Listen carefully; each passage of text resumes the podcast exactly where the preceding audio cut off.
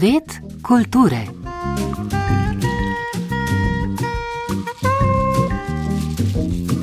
Drage poslušalke, cenjeni poslušalci, dober dan. Kljub temu, da se v teh dneh govori predvsem o vremenu, se v naši oddaji, kot ponavadi, posvečamo kulturi. Danes najprej o novi predstavi z naslovom Strah in beda Tretjega rajha, ki bo nocoj na ogled v Kinu Šiška. Z delom nemškega dramatika Bertolta Brehta se je spoprijel režiser Sebastian Horvat. Poročamo tudi o tradicionalnem radiofonskem projektu Rojstni dan umetnosti Euroradijske skupine Ars Akustika, ki mu boste lahko prisluhnili drevi na programu Ars. Ostanite z nami.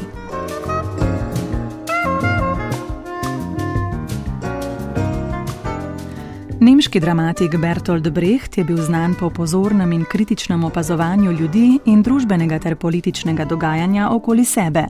Njegove drame se veliko krat osredotočajo na majhne, skoraj nepomembne posameznike, ki pa jih z vsakdanjimi dogodki, v katerih lahko hitro prepoznamo paradokse in nasprotja, upenja v širšo politično sliko in uvršča v kolesje sistema.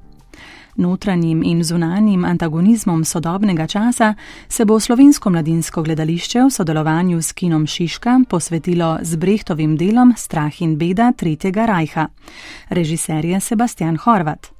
Drama je nastala na podlagi časopisnega gradiva, ki ga je Bertolt Brecht zbiral s svojo sodelavko in ustvarjalko Margaret Štefin.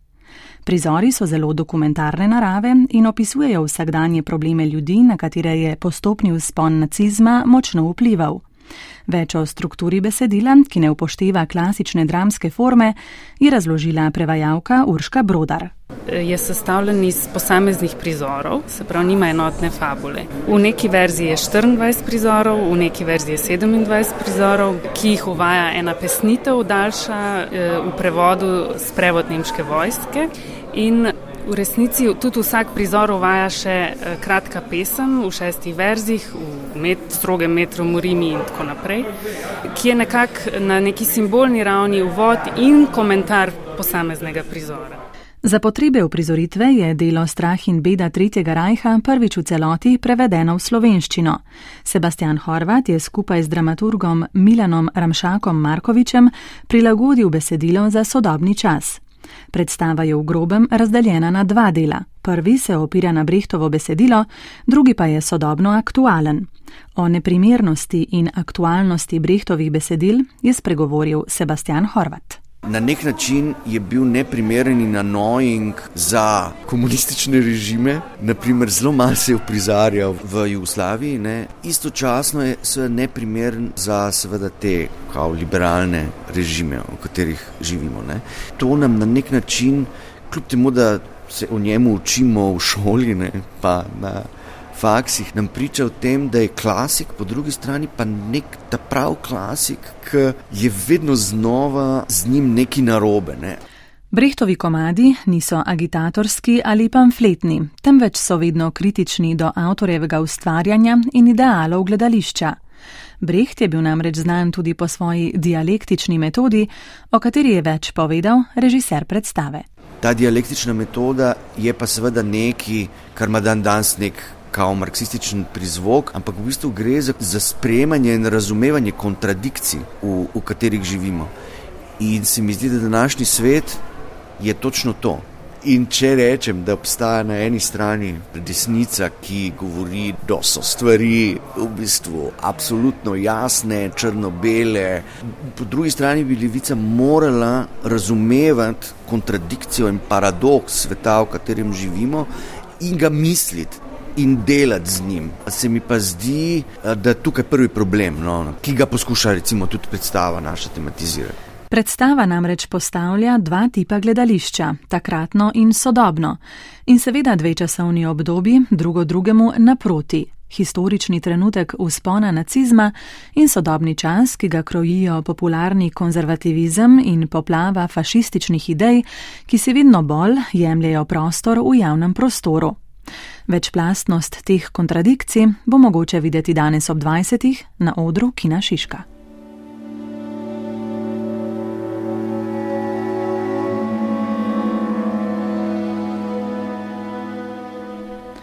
Z odrskih desk pa v radijski eter. Program Ars bo zvečer od 20. ure dalje del tradicionalnega radiofonskega projekta Rojstni dan umetnosti Euroradijske skupine Ars Akustika. Vsakega 17. januarja si radijske postaje izmenjujejo zvočna darila, glasbene radiofonske kompozicije in eksperimentalne radijske igre na dveh usporednih kanalih. Sodelovanje Radia Slovenija na letošnjem praznovanju povzema Primoš Trdan. Sodelovanje v tem dogodku bo vsestransko prepleteno s projektom BR, ki ga vodi Radio Slovenija in se v tem letu zaključuje številnimi vsebinami. Na osrednjo idejo projekta, ki se posveča ustvarjanju zvočne umetnosti za dojenčke in malčke, se navezuje radijska igra Čebljanje Irene Pivka in Braneta Zurmana. Delo nastalo za te najmlajše poslušalce, ki bo tokrat, torej danes ob 20 in 20 minut, predstavljeno v bolj eksperimentalnem radijskem mednarodnem kontekstu. Hkrati pa BR, kot tako razloži Gregor Pirš, vsebuje tudi razvoj tehnoloških in medijskih inovacij. Že od vsega začetka, ko smo osnovali projekt BR, je bila zelo pomembna komponenta tega projekta eh, tehnološki del. To je del, kjer razvijamo eh, alternativno radijsko postajo, tako imenovano R platformo, ki bo združevala umetnike preko interneta in eh, ki bo nekako sama iz sebe gradila neskončno zvočno skulpturo. In na tej poti nekako prvi vzor oziroma prva ideja je prišla s strani Euroradijske skupine eh, Ars Acustica, torej ravno z projekta eh, Rojstni dan umetnosti in spomina na Roberja Filjuja eh, in njegovo fluksoidno in fluksusovsko um, večno mrežo, nikoli končano mrežo uh, odnosov in umetniških dejanj med posameznimi ljudmi na zelo različnih krajih. Ne. Tako da tokrat uh, preskušamo v okviru projekta Rojstni dan umetnosti ta prvi del tehnologije, to je tehnologija za povezovanje in uh, živo sodelovanje in nekako produkcijo uh, umetnikov preko interneta, razvijamo jo v sodelovanju z inštitutom Jožef Stefan. In pa potem nadaljevanje za drugo fazo, ki pa bo razvoj eh, orodij za prepoznavanje zvoka, teksture, ideje in potem neke vrste samodejno montažo. Ja, rojstni dan umetnosti je Filiju začel kot mreženje umetnikov po tedaj sredi 60-ih let dostopnih medijih in po teh vse skupaj pa v nekdaj neslutene možnosti podaljšujejo pridobitve globaliziranega 21. stoletja. Tako je to priložnost za preizkus tehnoloških izpopolnitev, ki jih nujno spremlja tudi umetniški potencial sodelovanja. Preskus bo potekal eh, v okviru projekta The Kitchen Kuhinja, ki ga bo vodil zelo eh, znan angliški radiofonski in radijski umetnik eh, Matthew Herbert. To bo prosta improvizacija, šlo bo za združevanje kuhinjskih zvokov, vsi sodelujoči bodo um, zvočili v svojih kuhinjah ne preresno, ne preveč konceptualno, upamo seveda, da bodo digitalni vodi zdržali in da bo vse steklo po sreči. Vabimo k poslušanju izmenjave zvočnih daril umetnosti. Omenjeni projekt The Kitchen boste denimo lahko zaslišali ob 21 in 20 minut.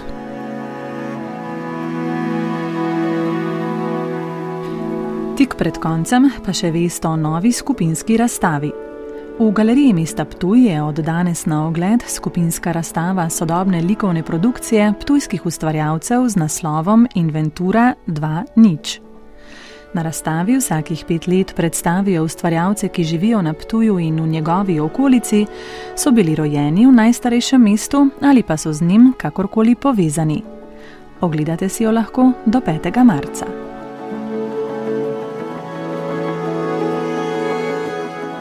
Drage poslušalke, cenjeni poslušalci, oddaja Svet kulture je pri koncu. Pripravila in vodila sem jo Ana Rozman, za tonsko podobo je poskrbel Janez Sahlin. Hvala za vašo pozornost, prijeten dan še naprej.